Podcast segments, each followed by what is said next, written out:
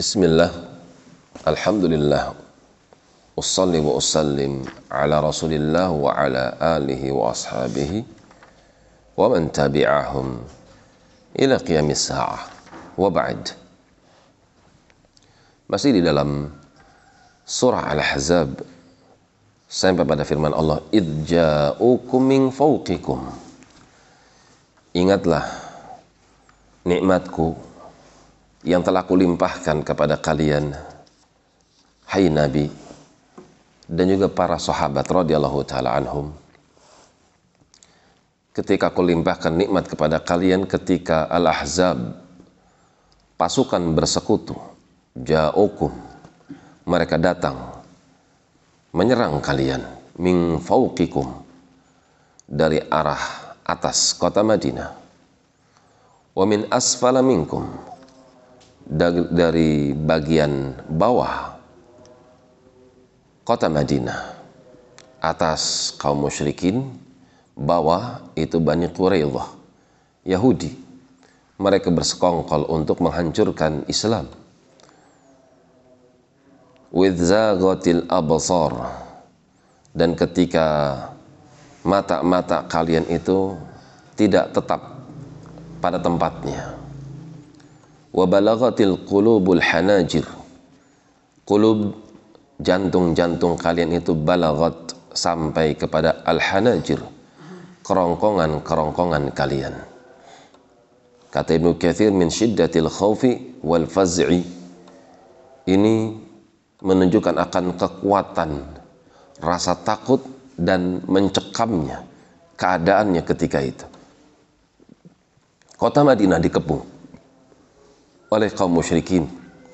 Dan juga Yahudi yang berkhianat setelah mereka menekan perjanjian damai kepada kaum muslimin ternyata mereka berkhianat. Ditambah lagi orang-orang munafikin mereka menggemboskan jalannya peperangan. Banyak di antara mereka meninggalkan peperangan dan mereka diam di rumah-rumah mereka. Maka Allah subhanahu wa ta'ala lukiskan keadaan hati-hati mereka dan keadaan-keadaan diri-diri mereka dengan kalimat hunalika demikianlah atau yang sebelumnya watadhunnuna billahi dhununa bahkan sampai-sampai di antara kalian menuduh dengan tuduhan yang tidak baik kepada Allah Subhanahu wa taala. Seperti apa tuduhan mereka? Mereka bukan menuduh Allah tidak akan menolong Islam, tidak akan menolong Nabi dan para sahabat, akan tapi sampai-sampai mereka mengucapkan mata nasrullah, kapan ya pertolongan Allah?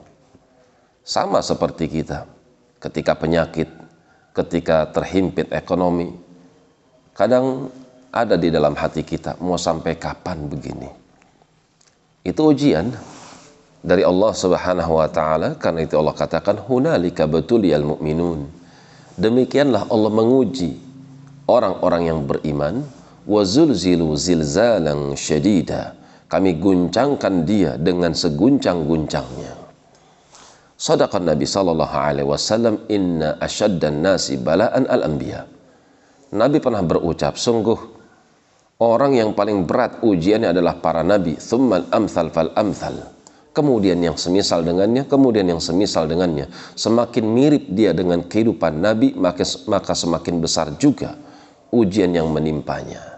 Yubtala rajul bihasabi qadri bihasabi imanihi. Seorang itu akan diuji oleh Allah Subhanahu wa taala sekadar dengan keimanan yang dimiliki oleh hatinya. Apabila tipis keimanannya, maka tipis juga ujiannya semakin berat timbangan keimanan yang ada di dalam hatinya, maka semakin berat juga ujiannya. Sesuai dengan kadar keimanannya. Demikian wallahu taala alam bisawab.